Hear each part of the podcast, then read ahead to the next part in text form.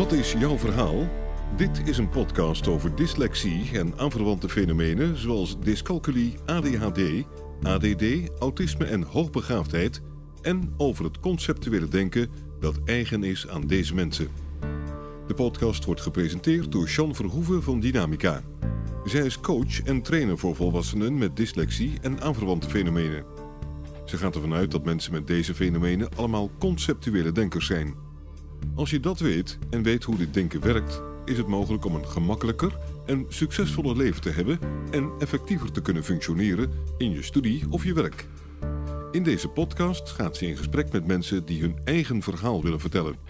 Een verhaal dat gaat over labels, hun andere manier van denken, hun tegenslagen, de voordelen van het conceptuele denken en hun succesverhalen. Jean Verhoeven spreekt uit eigen ervaring. Ze heeft zelf dyscalculie, dyslexie en ADHD. Welkom uh, Ellie Dienske.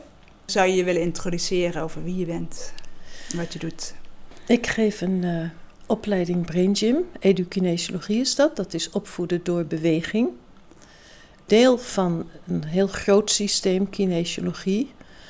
Dat gaat eigenlijk over het evenwicht in alle meridianen, alle energiebanen in je lichaam. Dat is kinesiologie. Dat doe je met spiertesten, test je dat uit, de blokkades en ook de correcties met bepaalde acupunctuurpunten. Edukinesiologie is daar een stukje van. En dat gaat vooral dan dat, over dat stukje tussen de manier waarop de hersenen samenwerken met het lichaam. Wat je dus bij BrainGym doet, is via je lichaam je hersenen activeren. Dus door je lichaam te bewegen, activeer je je hersenen om beter samen te werken. Dus de linker en de rechterkant, die heel verschillende uh, functies hebben eigenlijk. Maar je hebt ze allebei nodig. En ja. door goed samen te werken, kun je beter als een geheel ja, informatie verwerken en ook weer presteren, zeg maar. Ja. Je, ja, want daar gaat het over. Hè? Het gaat over um, leren. Ja, hoe kunnen we gemakkelijker leren? En gemakkelijker werken, neem ik aan. Ja. Ik denk dat, tenminste als ik zo naar mijn vragen kijk, is dat we het veel over kinderen gaan hebben deze keer. Hè? Dat zijn mensen niet uh, gewend, want we hebben het uh, meestal over volwassenen. Maar het, ik heb ook gezien in je boek dat het ook allemaal voor volwassenen werkt. Ja, klopt. Ja, ondertussen heb ik ook uh, wat kinderen op mogen voeden, dus daar ook ervaringen uh, mogen doen.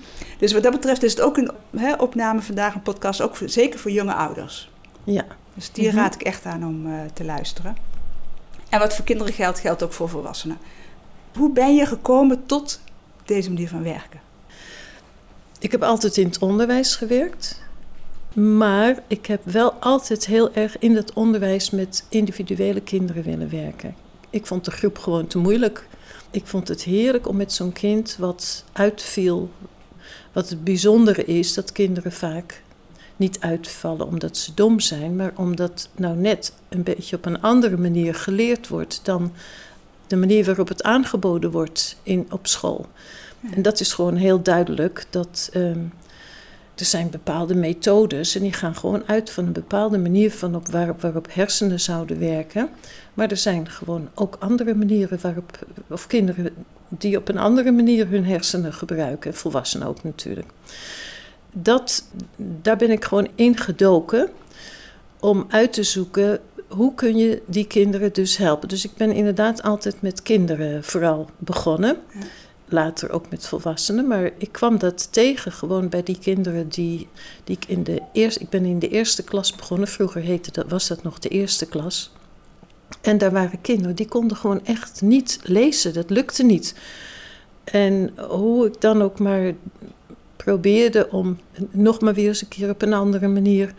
Er was iets anders wat miste en dat was dat die kinderen gewoon nog niet klaar waren met hun driedimensionale ontwikkeling.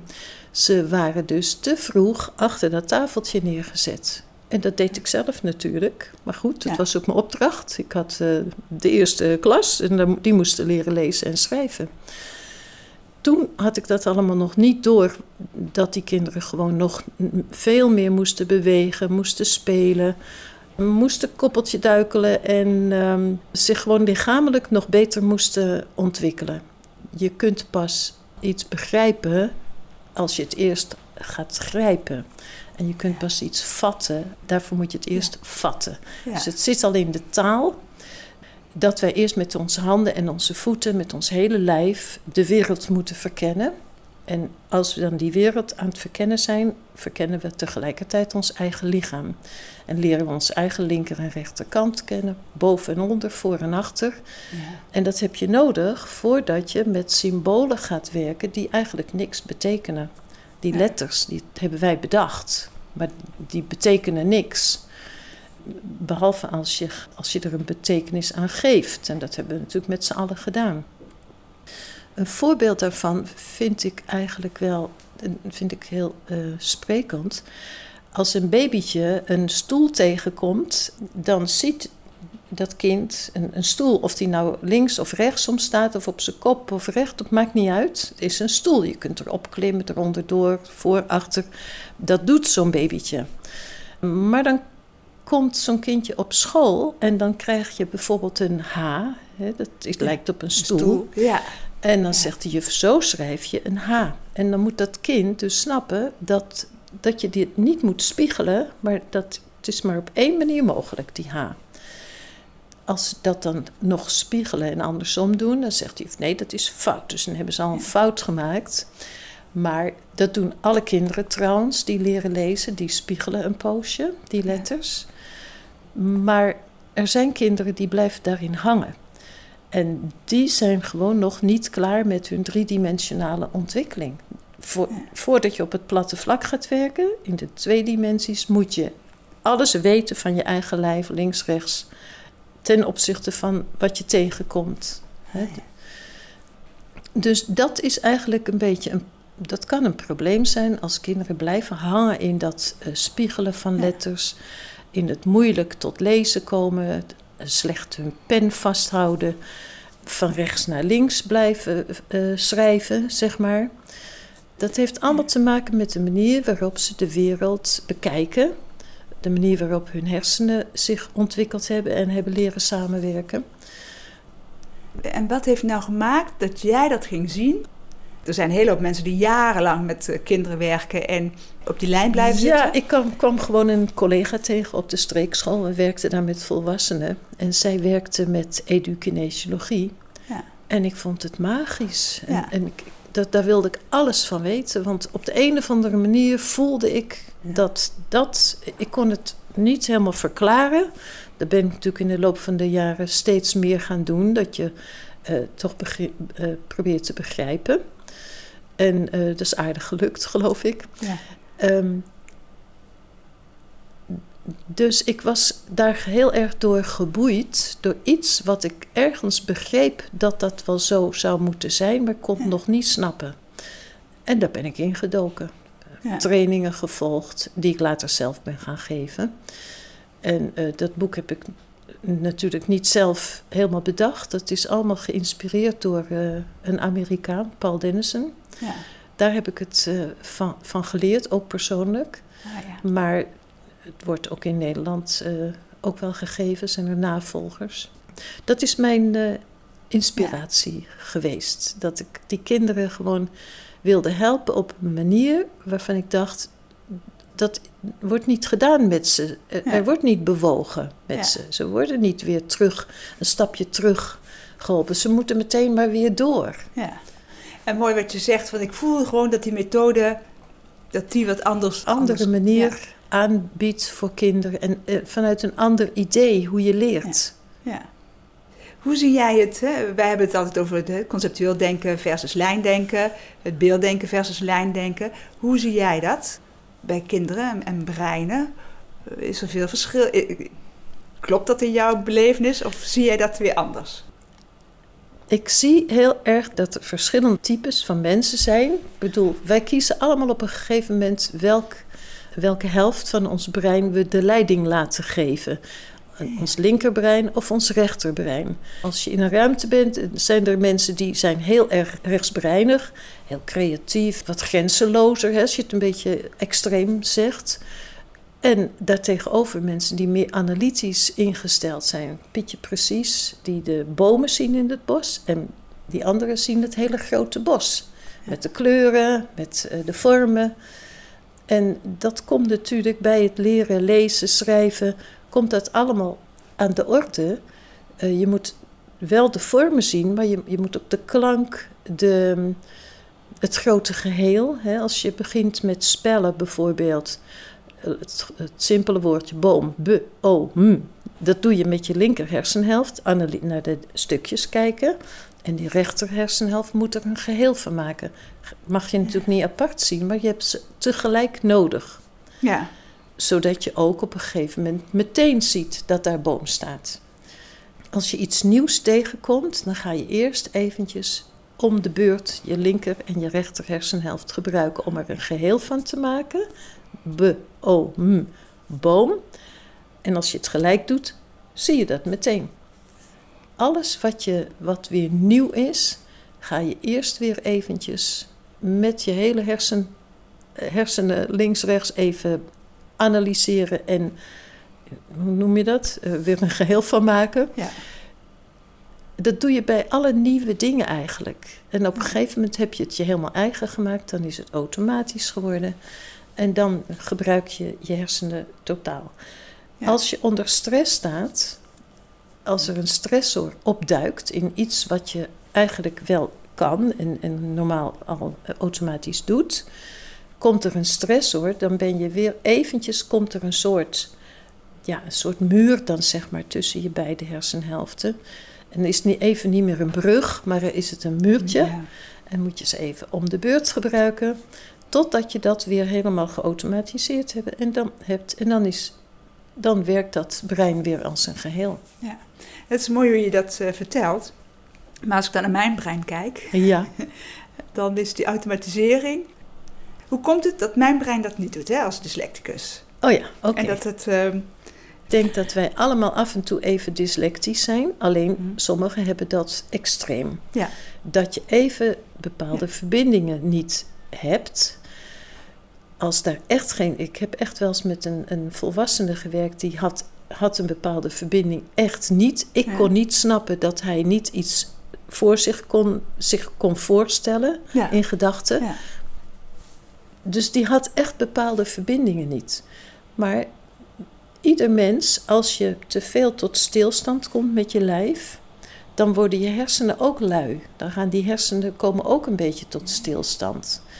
En de verbindingen door te bewegen, over je eigen middellijn ook heen te gaan, door je hele lijf, hè, wat ik net over dat kindje vertel, die, die zijn hele lijf gebruikt, door dat hele lichaam te gebruiken, gebruik je ook je hele brein. Links, rechts, diagonaal, alle kanten op.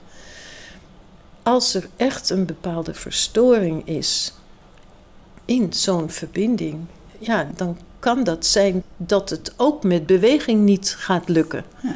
Maar de theorie is in ieder geval van Brain Gym ja, dat je door beweging, uh, door je lijf te bewegen, links, rechts, gekruist en alles, ook datzelfde in je hersenen teweeg brengt. Waardoor er bepaalde verbindingen alsnog gemaakt worden. Ja, door als je Brain Gym uh, doet. Maar omdat ik. Uh, ik ken het wel, maar ik heb, ik, een paar oefeningen heb ik ook wel gedaan. Nou, om eerlijk te zeggen, als je zegt ik moet oefenen, dan denk ik meteen weer aan mijn dictées. Dus dat, uh, dan ga ik uh, andere dingen doen. Dan ga ik liever ja. poetsen of zo. Of uh, ja. zijn er andere dingen die ik moet doen. Dus daar, zit nog, daar heb ik nog wat werk te doen. maar als je dit zo vertelt, je zei ook, en je kiest ervoor welke, of je links of rechts. Onbewust, hè? Ja, on, ja, onbewust. Dan moet ik denken, ik, ehm, ik zit tegenwoordig met mijn lijf wat in de knoop dus ik ben heel veel weer aan het uh, opruimen. Ik ben heel veel naar mijn eigen innerlijk kind aan het kijken.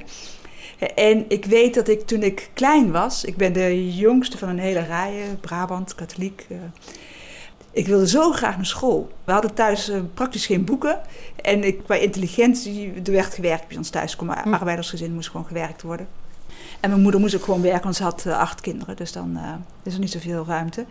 Ik wilde zo graag naar school. En toen mocht ik naar school. En toen weet dus dat ik um, achter de popkast mocht. Uh, daar zat ik met twee andere... Volgens mij waren het meiden, maar dat, dat weet ik niet. Met twee andere kinderen.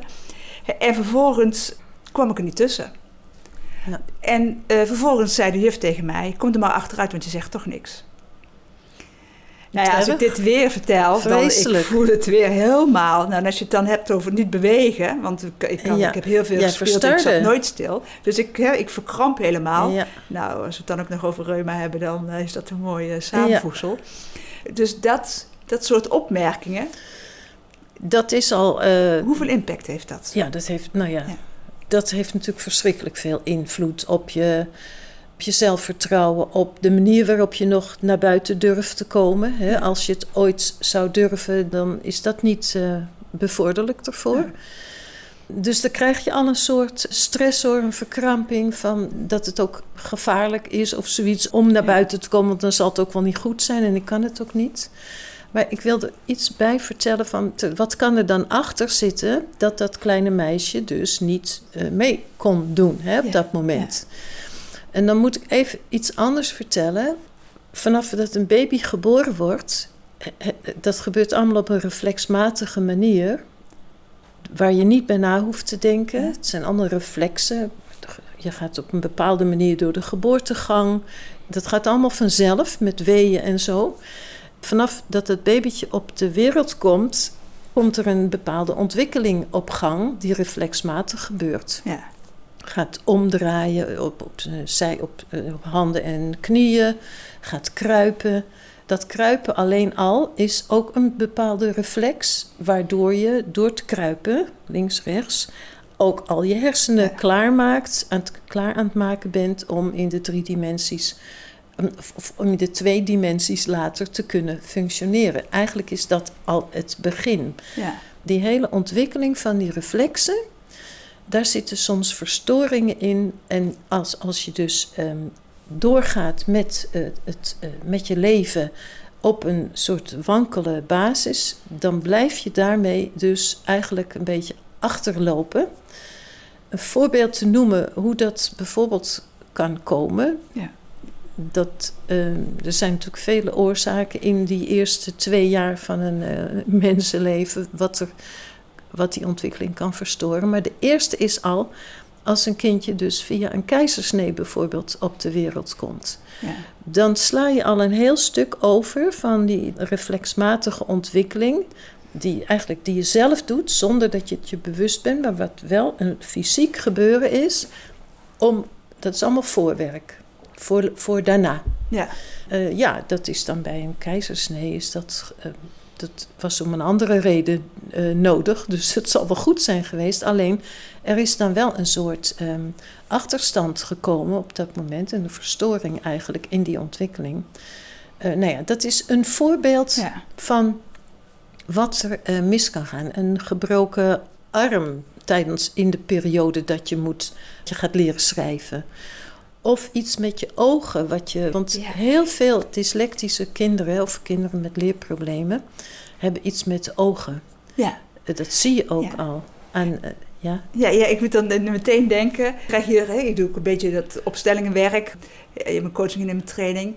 En vervolgens eh, dan hè, sta ik naast iemand of dan kijk ik naar iemand en dan zeg ik van... Goh, heb jij een lui oog gehad vroeger? Oh. En dat is precies, die pleister gaat op dat goede oog. En dan heb je alleen een slecht oog. En dan moet je als dyslectisch kind, of als, als hè, conceptueel denken, moet je gaan leren lezen en schrijven. moet dat ook nog netjes. En dan denk ik, ja. ja, ik snap wel dat het niet lukt. Nee, ja, dat snappen we wel, ja. Want die ogen moeten juist samenwerken. Ja. En daar is dus een hele belangrijke oefening voor, van de liggende acht. Dat je dus eh, je eigen hand volgt, ehm, alle kanten uit, um, om die ogen juist te leren samenwerken. Ja. En, en dat, dat is dan ook zo'n verstoring bijvoorbeeld, dat mensen ja, ingrijpen, maar dat is echt een vergissing. Ja. En als ik met een kind uh, werk die daar last van heeft, dan ga ik natuurlijk niet in tegen de andere adviezen, maar ik laat ze wel heel veel van die uh, liggende acht bewegingen doen. Ja, ja. Ja, ja, het is mooi ook dat je zegt hè, dat je uh, gewoon kijkt, dat, dat, je niet tegenin gaat in. Dat doe ik ook nooit. Nee. Of, nee. Maar dat je wel kijkt van wat kan ik daar, hè, welke. En dat is dan weer leuk van die creativiteit die we hebben. Hoe kan ik daar uh, omheen en toch de, goede kant op? Ja, ja. precies. Ja. Zijn er ook kinderen, linkerbreinige kinderen, die leerproblemen hebben? Nou, als je een hele goede samenwerking hebt met je rechter hersenhelft, je, je beweegt genoeg, er is geen stress, dan is er niks aan de hand. Dat is heel fijn. Een link, bedoel, je bent of linksbreinig of rechtsbreinig. Ja. Maar het wordt alleen een andere uh, persoon. Ander gedrag, andere kwaliteiten. En als je een hele goede samenwerking hebt tussen links en rechts, dan is het, het is niet anders dan een rechtsbreinig persoon. Alleen dat is dan andere kwaliteiten. Ja, ja dat, dat, dat zeg je heel mooi. Maar uh, even kijken of je naar een andere uitspraak uh, kan lokken. Ja. Uh, hoeveel rechterbreinige kinderen krijg je in je praktijk? Um, hoeveel procent is rechterbreinig, laat ik het zo zeggen? Uh, Nou, dat zijn er best veel. Ja. Die, die, um, die dus niet, die stranden op het, uh, op het leren lezen en schrijven en, en, en netjes werken. Ja. Maar het maakt. Nee, ik, ik, zie geen verschil tussen het aantal. Nee? Echt niet, nee. Want kinderen die dus uh, te pietje precies zijn, die hebben op een andere manier weer. Die gaan schrijven, die tekenen als schrijven. Dat geeft ook weer heel veel spanning. En die kunnen weer moeilijk het grote geheel zien. Ja. Hoe kinderen het tegenkomen. We gaan er even vanuit dat er uh, gewoon niet een goede samenwerking is. Hè? Of Ja, dat je ja. linksbreinig bent of Ja. rechtsbreinig. Hè, die, die kindertjes in groep uh, drie op het ogenblik, die, ehm, wa- waar het lezen maar niet lukt. Ze blijven spiegelen, ze blijven spellen ook en kunnen er geen geheel van maken. Die kinderen, dat zijn dan de linksbreinigen, die blijven spellen en die kunnen er geen geheel van maken. Als er tenminste een s- storing in die ontwikkeling is, hè, dat ze op de een of andere manier met stress te maken Ja. krijgen, dan blijven ze zich blind staren op de letters, op de kleine stukjes en kunnen er geen geheel van maken. Die kinderen die vallen al heel snel uit, want die blijven maar spellen. Eh, de rechtsbreinige kinderen die kunnen nog een hele poos doen met de context. Ja. Ze lezen een, een, boom, oh, boom. Ze lezen eh, bad, badpak, maar er staat bikini bijvoorbeeld. Ja, Maar ze snappen ja. al waar het over gaat. Die rechtsbreinigen die kunnen het nog een hele poos wel volhouden. Maar op het moment dat zij vreemde talen moeten gaan leren in het vervolgonderwijs. Dan moeten ze dus echt wel beter naar die details kijken. Want anders dan kun je, want het is allemaal nieuw, die talen. Dus dan krijgen zij pas de problemen. Die hebben nog een hele poos mee kunnen varen. Eh, best wel lastig, maar eh, ze konden niet zo goed hardop perfect voorlezen, want dan was, er- was er een heleboel fout. En dan moest het ook te snel, eh, of, of dan kon ze het niet zo precies. En dat is het verschil dus. Ik weet niet of, of ik weet niet meer precies waar, je, waar het begon. Maar dat, was een, dat is in ieder geval een groot verschil tussen linksbreinigen en rechtsbreinigen. Ja. Wat ze dan tegenkomen. En die linksbreinigen, die dan in het begin spellen, gaan die dan op een gegeven moment, op een gegeven moment wel het hele woord zien? Als je oefeningen met ze doet, als je ze gaat, Ja. met ze gaat bewegen. Maar ook als ze binnen, hè, want, want eh, het zou fijn zijn als de brain gym in elke klas eh, gegeven zou worden.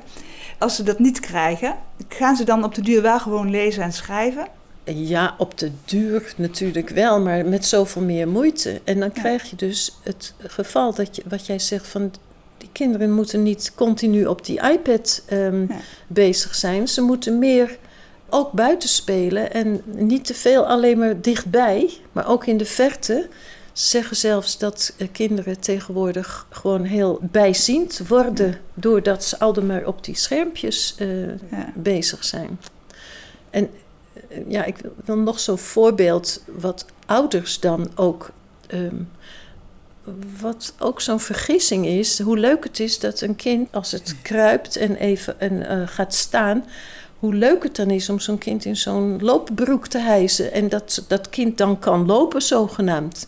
Dat, is gewoon zonde, want dat kind moet gewoon vrij bewegen in de ruimte, kruipen.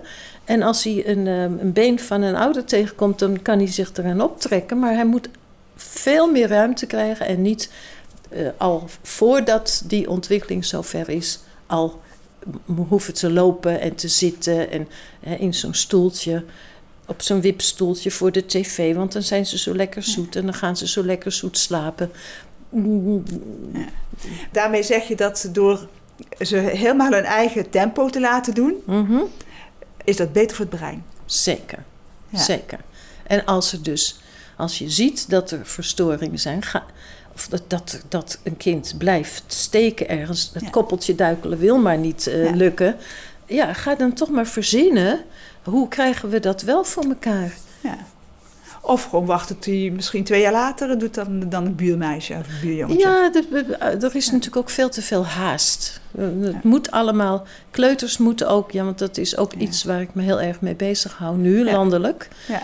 Eh, om te zorgen dat kleuters niet, het- of dat ze niet zo getest worden en dat ouders al te horen krijgen dat hun kind misschien wel dyslectisch is, omdat het niet eh, ook al zover is als eh, andere kinderen van die leeftijd. Dus Ja. kinderen moeten veel meer de tijd krijgen om in hun eigen tempo, maar door heel veel te spelen, binnen en buiten en eh, overal, eh, om die ontwikkeling ook door te maken. Ja. En dat doe je niet op de achterbank van een auto, bijvoorbeeld. Hè, als je te veel eh, gereden wordt en het- op de nek van je vader bijvoorbeeld. Ja, laat het kind gewoon lekker lopen. Dat is goed voor ze. Ja. Ook leuk hoor, op die nek. Ja. ja, en de afwisseling. En, Ja. Ja, maar niet meteen en niet, eh, niet, Niet te snel. snel. Ja, maar dat kinderen ook vroeger naar school toe moeten. Hoe- Ja, er is zo'n haast. Ze moeten vooral, ehm, en als ze dan zes zijn, ja, dan moeten ze echt naar groep drie toe. Ja. Terwijl als ze misschien toch nog, eh, oh, het zou zoveel uitmaken als ze niet hun hele schoolperiode op hun tenen hoeven te lopen. Want dat gebeurt met die kinderen die nog niet, die moeten bouwen op, op drijfzand eigenlijk. Ja. Dat is doodzonde. Ja. Dat ze niet even dat jaartje extra krijgen. Er is ook wel gewerkt met een extra instap dan in januari. Om te kijken dan de kinderen die toch in dat halve jaar dan wel Ja. klaar zijn geraakt. Dat, dat, is, een heel mooie manier. Er worden ook wel combinaties gemaakt van groep 1, 2 en 3. Ja. En dan krijgen kinderen ook veel meer de tijd om binnen die ene groep hun eigen tempo te bepalen. Ja. Je zei het nou net al op drijfzand lopen. Wat doet dat met de hersenen van een kind? heel veel stress. Dus heel veel blokkeren. Heel veel niet een heel eh, kind of mens zijn. Ik bedoel, dat geldt ook voor volwassenen. Ja. Als je stress hebt en blokkeert daarin, Ja. dan, ben je niet, dan ben je niet gelukkig. Dan zit je niet lekker in je vel. En dat meisje wat dus bij de poppenkast vandaan die- niks te doen had, die, eh, dat het toch geen zin had. Het is vreselijk als je dan daar daar kan je gewoon je hele leven eigenlijk last van hebben. Van, en anderen hebben het weer met, eh, met zingen. Van Ja. hou jij je mond maar, want je, je, Ja, kunnen het zingen, lijkt wel een- ja. Eh, Brompot. en dan, ja, dan moet je soms 60 worden om te ontdekken dat je misschien toch wel erg leuk vindt om te zingen. En eh, dat het misschien best wel kan. Nou ja, Ik bedoel, ja, god, het gebeurt een keer, hè, hoor ik dan mensen zeggen. Ja, maar hoe meer mensen je ontmoet die daar last van hebben gehad. En dat het effect heeft gehad op hun, op hun leren, maar ook op hun geluk, op hun zelfvertrouwen, op, ehm, om, om nieuwe dingen aan te durven, te durven beginnen. eh, contact te kunnen maken met. Ja, het is, dat- je vindt het overal in terug. En ieder Ja. doet het op zijn eigen manier hoor. Ehm, dus je kunt niet zeggen een dyslectisch, dat is altijd hetzelfde. Totaal niet. Wat doe je nou als je een kind krijgt, hè, om het toch maar over kinderen, of, hè, want eh, voor de luisteraar eh, kan je ook volwassenen horen. Eh, eh, wat doe je als je een kind, eh, een kind komt bij jou en die zit en die le- leest niet of die zit niet stil, of, Mhm. want het gaat niet alleen over dyslexie. Hè, het, het kan niet mee in de klas, het past niet, hè, je, Ja. het probleem in de klas, want anders komen ze niet bij jou, want iedereen die geen probleem heeft, die komt niet hè, bij jou en bij mij. Wat doe je, wat doe je, wat doe je met zo'n kind en wat, wat zie je dan? Wat leeft het op? Ik ga eerst met het kind in ieder geval even kijken of ik dat vlammetje wat helemaal uitgedoofd is, of ik dat weer een beetje brandender kan krijgen. Door niet meteen over de problemen te hebben, maar gewoon vragen waar, waar, ze goed in zijn, wat ze leuk vinden op school. En dan komt het al gauw over dat, eh, ja, de kinderen worden toch vaak door hun ouders of door de juf eigenlijk als een probleem aangemerkt. Hè? Dus er moet iets gebeuren. Nou, dat is op zich al heel vervelend.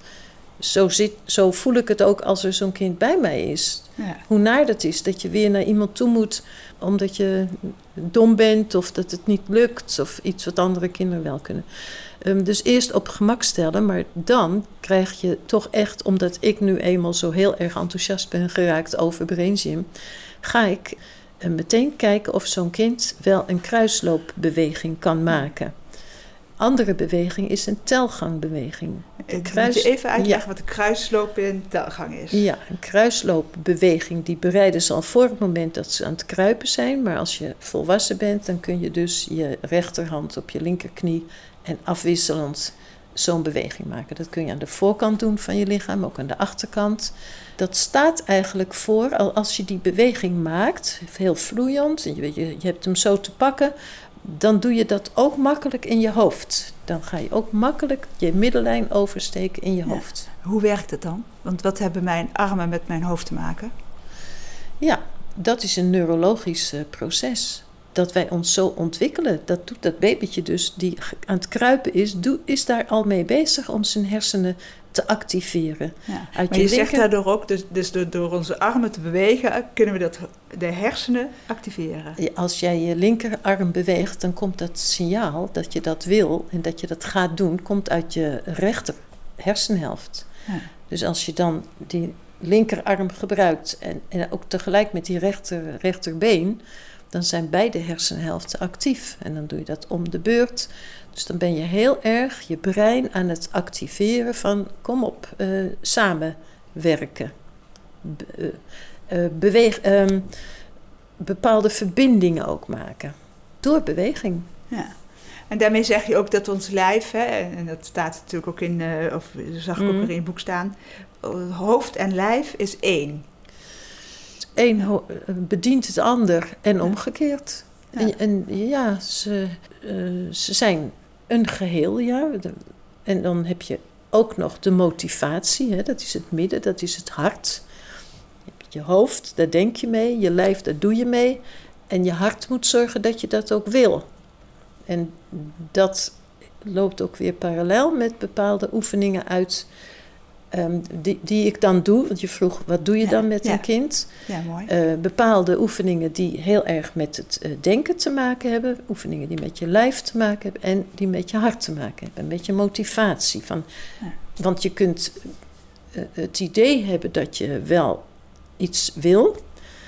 En dan kun je heel erg erover gaan zitten denken. Je kunt het, er hele lijsten van maken wat je allemaal wel niet moet. Maar als je maar op je stoel blijft zitten, dan komt het er nooit van. En andersom ook. Als je, je kunt ook heel lang op je stoel blijven zitten. Ik moet het even anders zeggen. Je kunt ook als een gek rond blijven lopen. Er komt niks uit je vingers. En wat je dan eigenlijk even moet doen, is op een stoel gaan zitten en even een lijstje maken. En dan eventjes na gaan denken, welke stappen moet ik eigenlijk nemen. Ja, dat is wel leuk, want de ene zit te veel stil en die moet meer. Hè, het is belangrijk, bedoel ik, moet niks. Ja. Het is belangrijk dat hij meer beweegt. En diegene Ja. die meer te veel beweegt, het is belangrijk dat hij even. Dat hij ook af en toe eens eventjes zitten. de boel op een rijtje gaat zetten. Ja, en dat, dat is dat geheel ook van denken en doen. Wat we allemaal tot onze beschikking hebben. Alleen, we zitten soms een beetje vast in één patroon. ja. Van denk, te veel denken of te veel doen. En Ja. Krijg het maar eens bij me. En wa- waar, waar het dan vaak aan ontbreekt, is een bepaalde motivatie. Dat die twee, dat, die, dat hoofd en die, dat lijf, dat die ook echt samen kunnen. Oh, dat er geen, daar geen blokkades in zijn.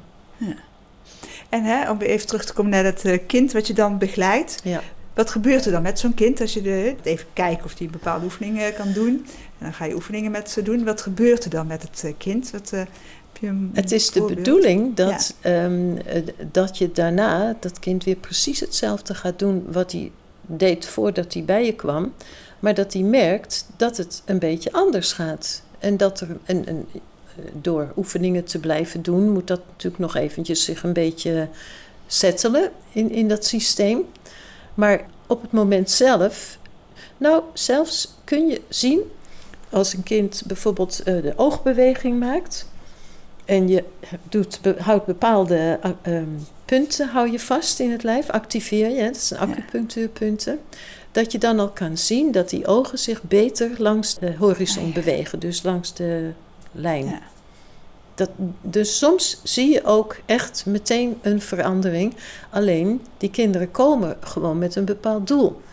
Dat, dat zegt ze niet zoveel nog aan mijn ogen. Ze willen gewoon dat de juf wel tevreden is en dat ze wel mee kunnen op school.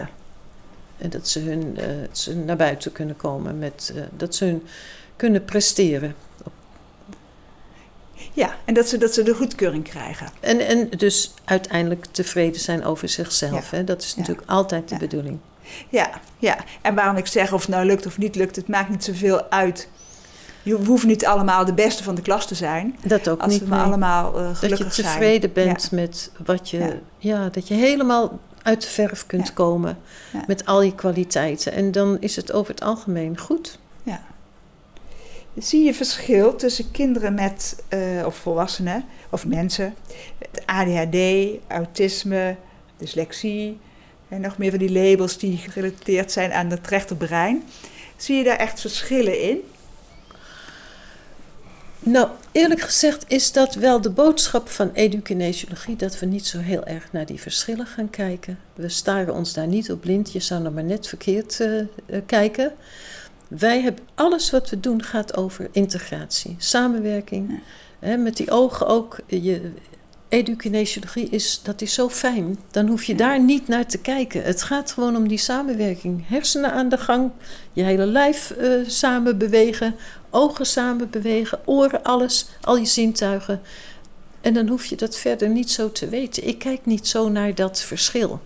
Ja. Het gaat allemaal om samenwerking. En, ja. ja en, en, als je dus um, als kind uh, buiten speelt, je gaat fietsen, kopje duikelen, van die berg afrollen, um, dan, dan doe je dat allemaal. Ja.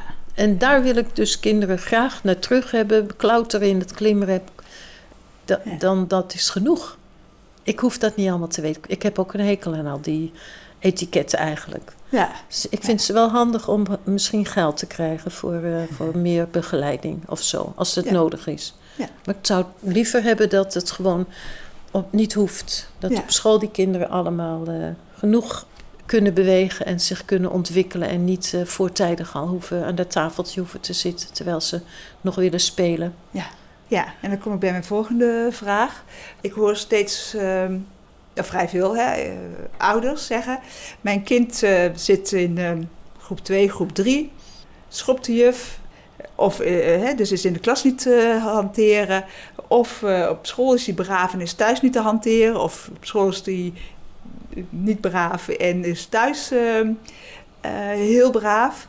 Kan je daar ook wat mee? Met, want oh, dat gaat me zo aan het hart en dan moet er Ritalin in. Dan denk ik, goh, er is toch meer. Kan ik dan tegen die klant zeggen van, goh, ga eens kijken naar edu-kinesiologie, naar brain gym. Want dan... Hè, Ja, nou ja, dan, dan kom je gewoon op het punt dat eh, door bepaalde hele natuurlijke eh, oefeningen, want het zijn ook acupunctuurpunten die je activeert, dat je je energie activeert, waardoor je gewoon meer, ehm, gewoon beter in je energie komt te zitten. En waardoor je misschien dan op die plek waar je je niet helemaal lekker voelt, beter kunt zeggen wat je wel nodig hebt. Of dat je een beetje meer zelfvertrouwen krijgt. Of dat je sowieso toch. Heb, je, heb je er ervaring mee? Dat je, dat je zo'n zo'n zo'n stuiterkind, hè, om het Eh, maar even... Nou, laat ik even zeggen Ja. waar ik ervaring Ja. mee heb met een meisje wat ehm, Ja. heel. Ze zat al op de middelbare school. Ze, het was een heel lief meisje. Ze durfde nooit iets te zeggen. Kwam niet echt uit de verf. Daarvoor kwam ze natuurlijk ook bij mij. Toen hadden we een poosje gewerkt met, eh, met die oefening waar je door gewoon je, je- al je kwaliteiten een beetje meer eh, benut. En toen kreeg ik de volgende keer van haar ouders te horen dat ze een beetje brutaal was geworden op Ja. school. Ja.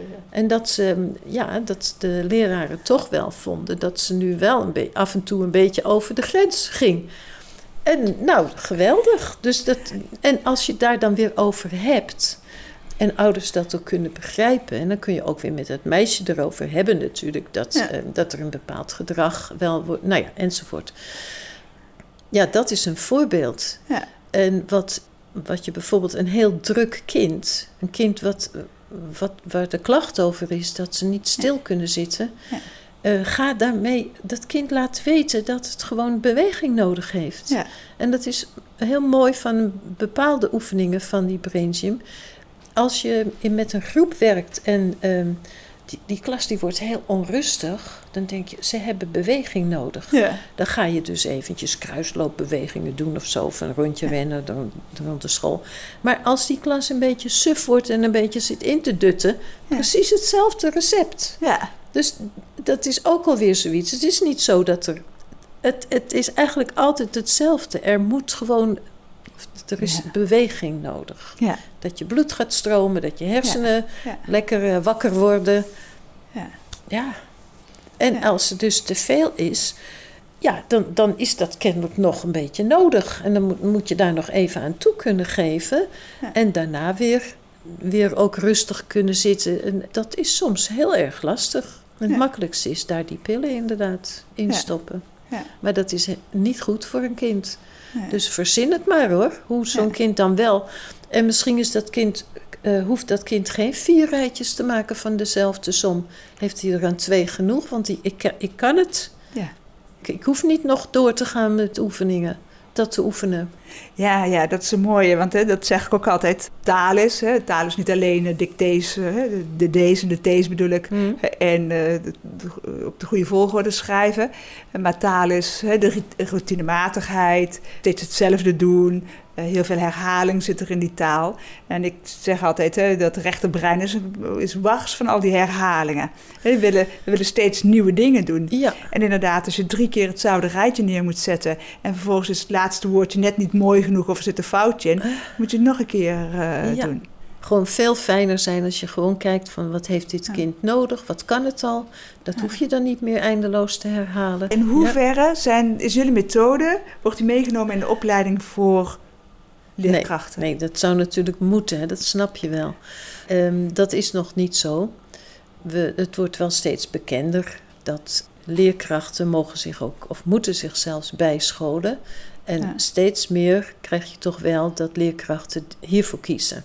Ja. Omdat ze ook aanvoelen dat, dat wat ze aldoor maar blijven herhalen en wat, wat toch niet aanslaat, ze ook aanvoelen dat, dat je het op een andere manier zou moeten begeleiden. Het wordt wel steeds bekender in het onderwijsveld, maar nog lang niet zo dat de minister ook aanraadt om dat ook in het pakket van de PABO te doen. Ja. Het zou wel leuk zijn en ook Ja. heel zinnig. Hoeveel zou dat in de schatkist, ik zou het bijna hè, opleveren... als we dit in gaan voeren? Hoeveel Ja. zou dat Ik kan opleveren? er natuurlijk iets heel moois op verzinnen, maar daar ben ik niet goed in in de cijfers. Nee, Nee, maar, nee, maar het zou heel veel. Ja. Ja, zeker. We, we zijn nu vaak. Dat begint dus al bij die kinderen die al moeten, zo nodig door moeten. Ehm. Het. ehm, eh, die kinderen in het voortgezet onderwijs, de, die ehm, al van school af moeten als ze, eh, Ja. dat ze niet nog weer een klas mogen herhalen. Die scholen Ja. zijn allemaal bang dat ze een slechte naam krijgen. Ja. Het ligt ook bij de huisarts liggen de, de staten van de scholen, hoeveel kinderen de eindstreep daar halen. En ik heb bewondering voor de scholen waar ze de kinderen binnenboord houden om ze helemaal tot een goed eind te brengen. En die, dat zijn vaak zelfs zwakke scholen.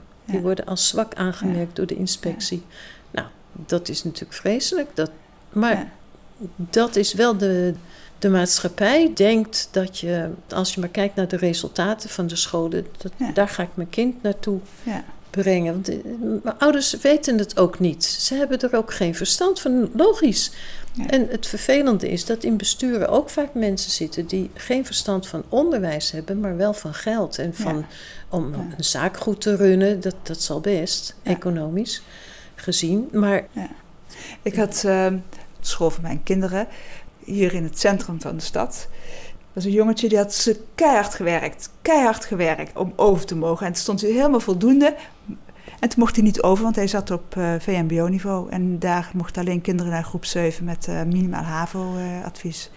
Nou, nou, maar, Ja. nou. Ja, Ik bedoel, mijn trauma van die, achter die poppenkast is ja eh, groot. wel even boven. Maar deze, ik, ik soms, en zeker ik krijg steeds meer jongeren, hè, terwijl het allemaal veel meer bekend wordt dat die dyslexie er mag zijn en dat die ADHD er mag zijn. Maar ik, ik heb het idee dat die trauma's alleen maar groter worden.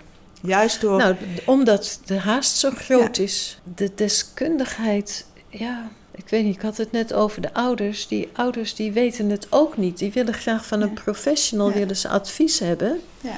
Maar die professional die is dus niet meer goed opgeleid. Die, die kan ouders niet eens. Dus ze zitten met z'n allen eigenlijk over een kind een beetje hopeloos te praten. Ze weten niet wat ze eraan moeten doen eigenlijk. Ja. En de oplossing is dus maar die eh, duizenden kinderen die in Nederland nu thuis zitten. Hè, Ja. die niet naar school toe kunnen. Nou, daar zul jij dan ook misschien mee te maken hebben. Ja, dat mag toch niet? Nee, het zou niet moeten kunnen. Niet in ons land, denk ik dan altijd. Niet. Nee, ze, ze niet- moeten verplicht. ze- Het is verplicht. Ja. Al- Als een kind, eh, er komt zelfs een eh, leerplichtambtenaar vertellen, je moet naar school. Maar die school kan niet bieden wat ze nodig hebben. Ik vind het ook Ja. heel triest dat we dat niet voor elkaar hebben. Ja.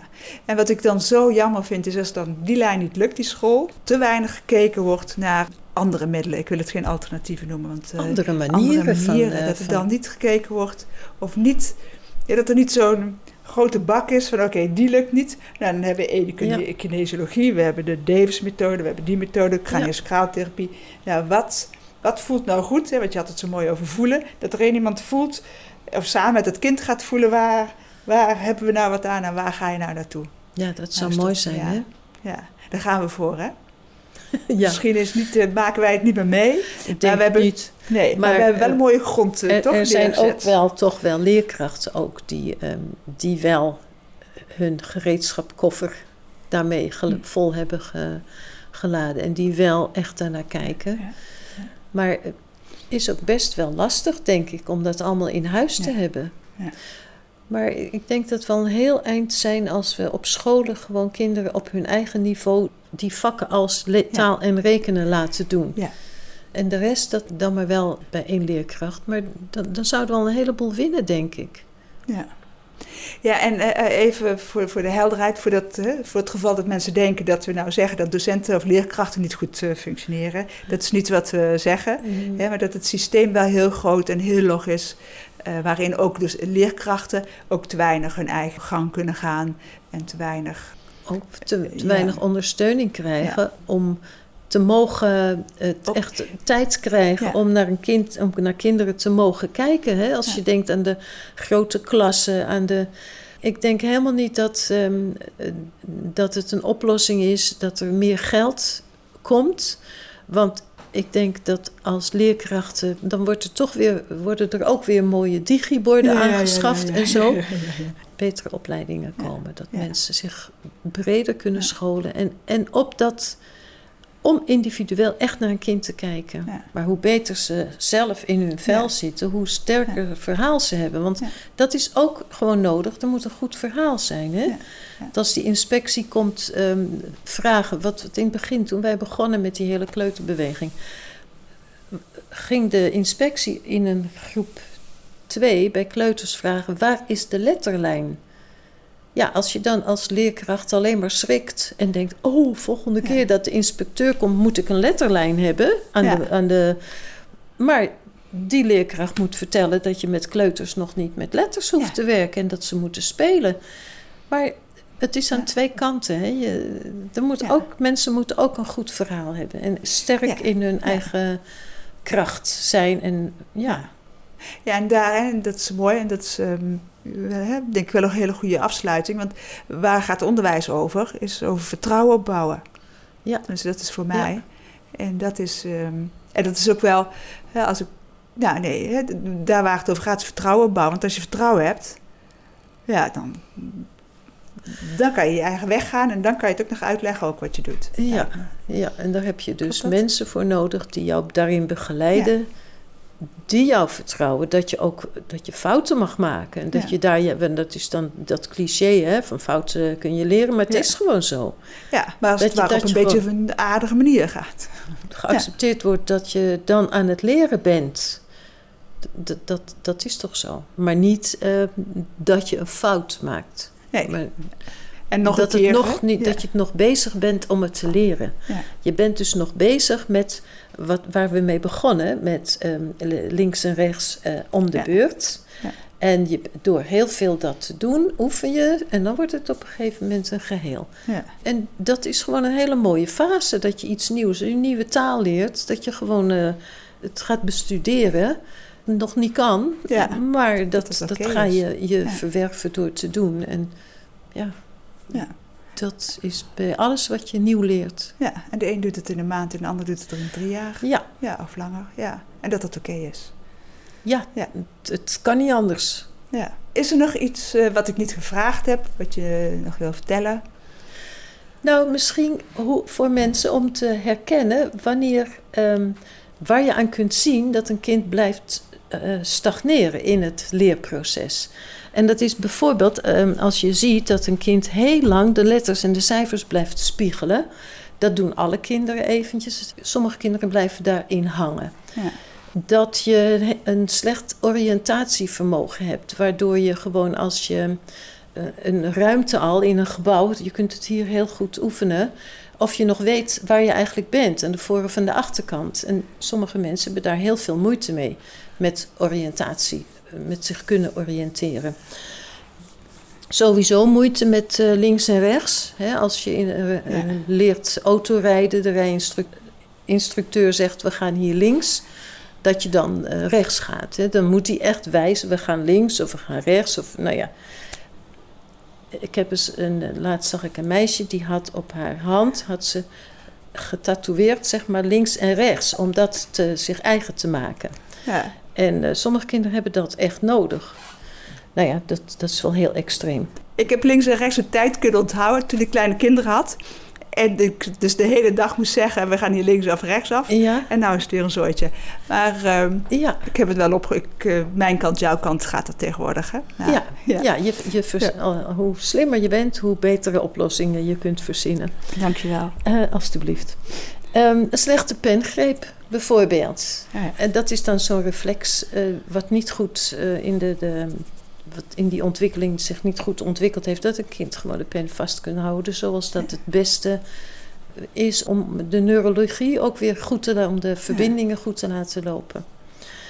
Je hebt kinderen die eh, niet gewoon recht op hun stoel kunnen zitten. Die moeten Ja. altijd met een been onder hun achterwerk zitten. Ze moeten altijd een beetje scheef zitten. Ze moeten altijd één dicht, oog dicht knijpen eh, terwijl ze schrijven of lezen. Dat zijn niet geïntegreerde reflexen. Ja. En daar komen we dus op een stukje wat dus al van voordat ze nog maar op die school terechtkomen al een, een achterstand geeft, omdat ze dat niet goed hebben ontwikkeld.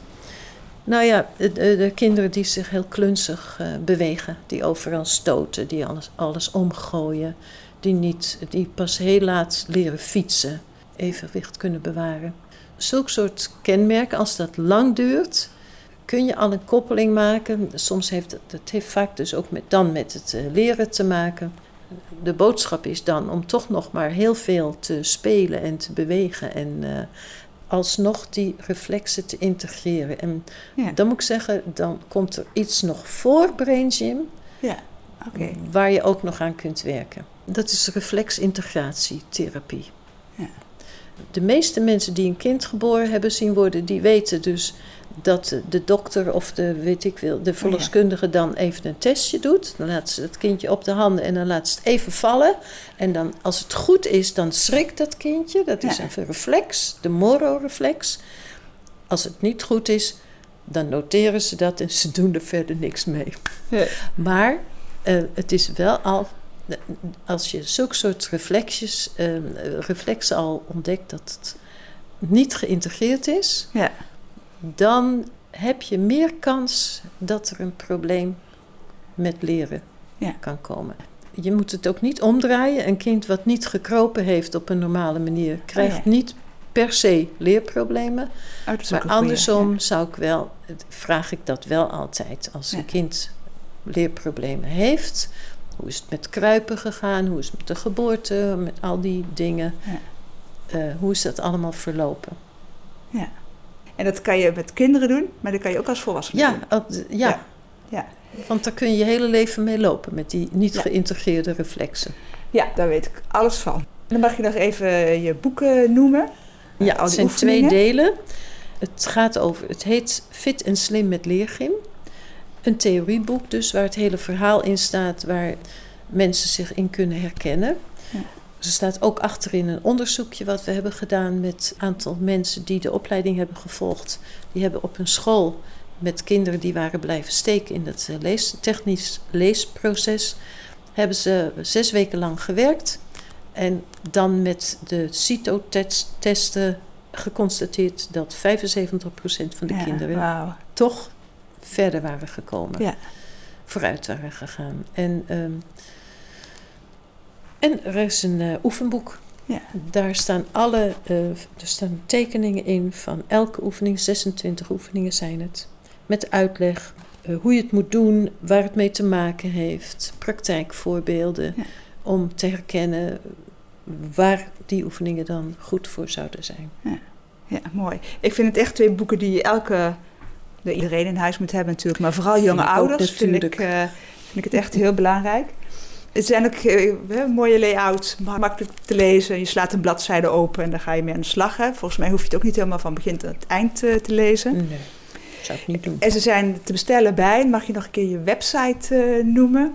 www.braingym.nl. Ja. Brain, ja. Brain Gym. Ja, en Brain je bent ook te vinden op onze website. En nou heb ik begrepen dat je zelf niet meer actief bent in de uitvoering.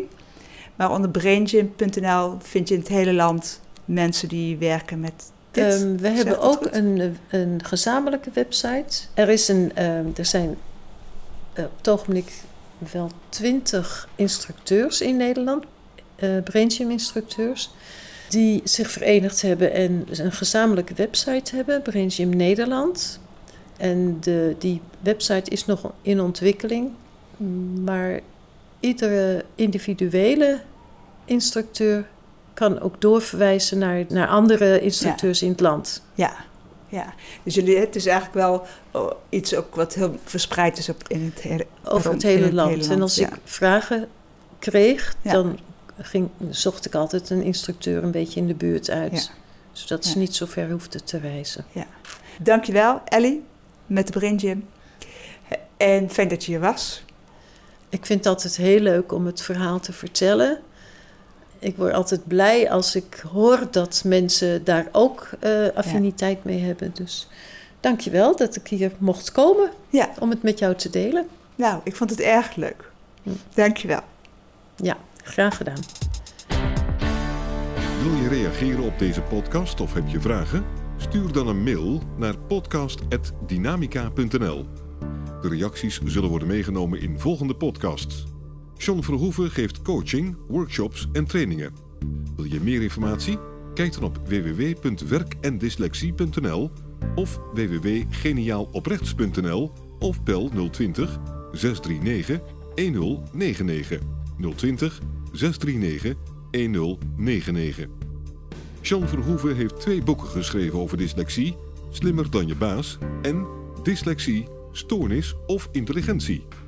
Deze boeken zijn te koop in elke boekhandel. Stuur de podcast door naar iedereen waarvan je vindt dat ze meer zouden moeten weten over dyslexie, ADHD, ADD, dyslexie, dyscalculie, autisme en hoogbegaafdheid en het conceptuele denken. Deze podcast is gemaakt in samenwerking met Marcel de Hoog van Storytelling Media. Hij verzorgt de technische, redactionele en morele ondersteuning. Tot de volgende aflevering.